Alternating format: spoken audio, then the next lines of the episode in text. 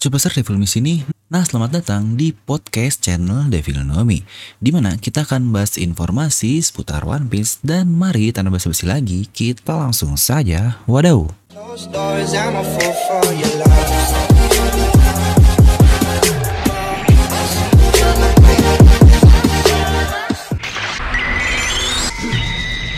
Nah, seperti biasa nih, kita akan bahas lebih dalam lagi mengenai chapter terbaru kemarin yaitu di chapter 1025.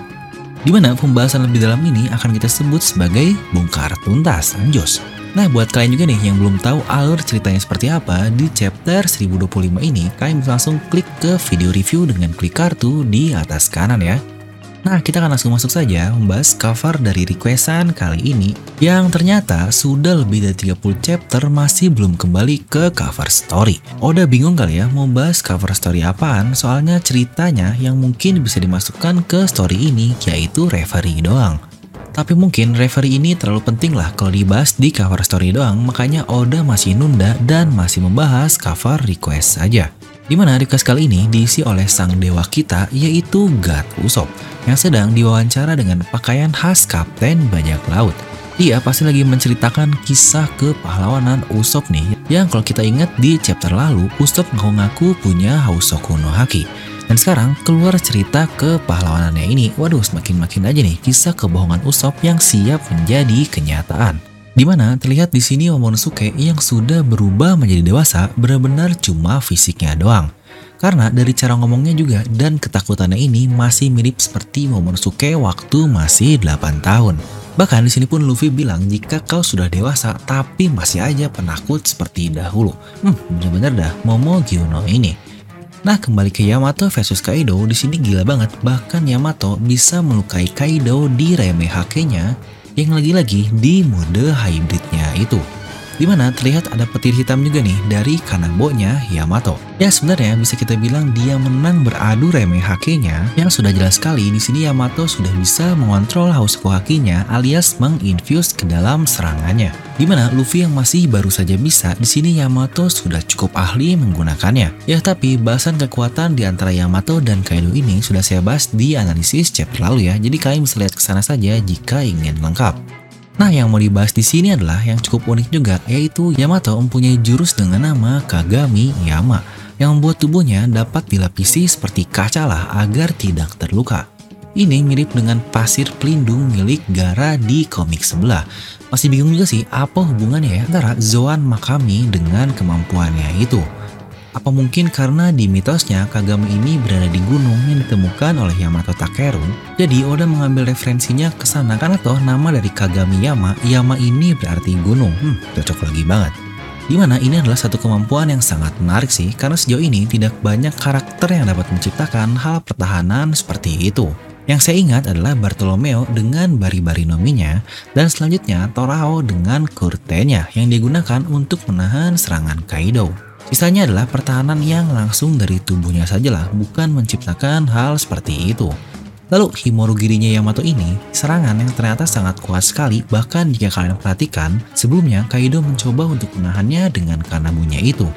Tapi serangan ini masih tertembus dan kita lihat di halaman selanjutnya terlihat impact yang sangat kuat kepada Kaido itu. Mau dihajar segimanapun, Kaido ini masih bangkit kembali dan bangkit kembali.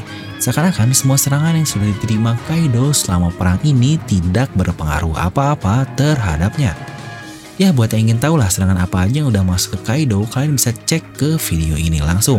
Dan yang perlu di highlight adalah ternyata Kaido sebagai Oni dan nama Pulau Onigashima juga, serta yang baru kita tahu di chapter lalu, Yamato ini waktu kecilnya disebut sebagai Oni Princess atau mungkin Ratu Oni lah. Dan ternyata mereka ini literally sebagai Oni alias ras Oni langsung. Kirain hanya tampilannya saja lah yang seperti Oni atau Ogre atau iblis Jepang lah. Ternyata dia benar-benar bagian dari ras Oni yang benar-benar ada. Dan dengan ini semakin masuk akal sih ketahanan tubuh Kaido yang sangat kuat itu alias sangat berbeda lah dengan manusia biasa. Di mana dikatakan dahulu hobinya adalah bunuh diri. Ingat itu hobi loh, bukan impian. Karena jika impiannya bunuh diri, berarti dia memang benar-benar ingin mati saja, berarti dia ini senang melakukan perbuatan bunuh diri yang dia lakukan berkali-kali. Ingatlah konsepnya hobi.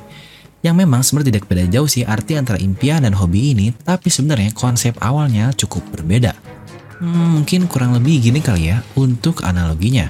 Kalian punya impian ingin menjadi YouTuber atau video kreator dengan segala effort yang ada seperti harus scripting lah, editing video lah, dan yang lain-lain. Tapi kalian tidak nyaman dalam proses pembuatannya, jadi impian barusan ini bisa kita bilang tidak kita senangi walaupun itu adalah impian kita. Tapi misal kalian punya hobi jadi YouTuber atau video kreator dengan segala effort yang tadi saya katakan, kalian ini karena senang melakukannya, mau berkali-kali pun kalian ngedit video lah dengan segala macamnya, kalian gak akan ngerasa capek alias malah senang lah karena itu namanya hobi. Nah itulah yang cukup beda konsepnya di antara hobi dan impian ini. Walaupun banyak juga impian ini didapatkan dari hobi yang dilakukan terus-menerus.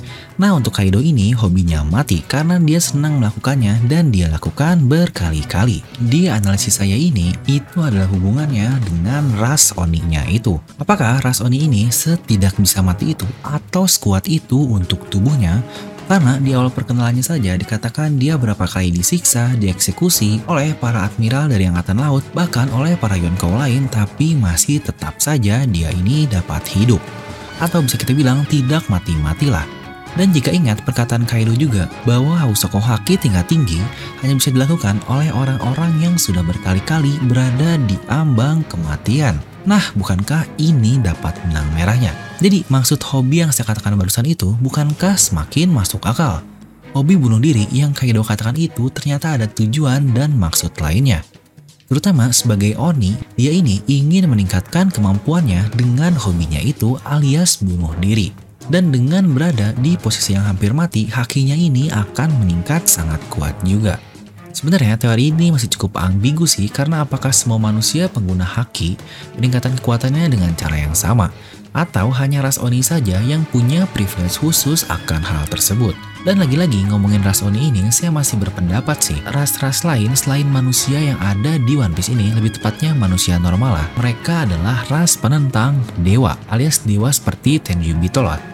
Karena kita lihat seperti Fishman, Tontata, Ming, Skypia, dan banyak suku lainnya, mereka semua tidak berafiliasi dengan pemerintah dunia. Yang notabene mereka ini sebagai dewa di dunia ini, apalagi yang terbaru kita tahu ras lain alias ras King ini dengan lunariannya. Ini sebenarnya akan saya jadikan mega teori lain sih, tapi intinya saya mau bilang kalau alasan mereka semua menentang dewa saat ini alias Tenryubito pun sangat masuk akal. Ras Oni dan ras lunarian di satu bajak laut Kaido dan tepat seperti apa keinginan Kaido ingin membuat perang raksasa atau The Great War yang dapat menyungkir balikan dunia ini. Itu sebenarnya tepat sekali seperti ramalan Joy Boy yang dikatakan oleh Oden dan juga Shirohige sebelum kematiannya. Jadi bukankah itu semua saling berhubungan satu sama lain? Nah, lanjut. Kita lihat di sini ternyata kecepatan terbang dari naga ini sangat gila sekali ya di luar dari ukuran tubuhnya yang sangat masif itu karena mereka dapat sampai ke Onigashima dari daratan hanya dalam hitungan detik saja, ya seperti yang Luffy katakan lah. Dan karena kebocilan dari Momonosuke, dia masih tutup mata selama terbang,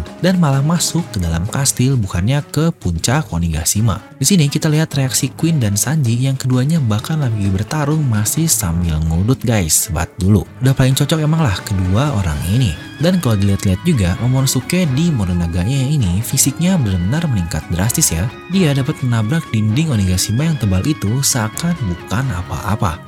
Padahal ingat, dia baru saja berubah jadi dewasa dan baru ke mode naga di usia dewasanya itu. Apalagi Kaido yang sudah punya kemampuannya dari 38 tahun yang lalu. Bukankah sudah terlihat bagaimana Kaido sangat hebat sekali dengan fisiknya dan Momonosuke saja baru bisa sudah sekuat itu. Di sini kalian bisa melihat mata kiri tengkorak Onigashima yang retak di panel ini. Itu adalah ulah dari Momogiono yang asal tabrak saja.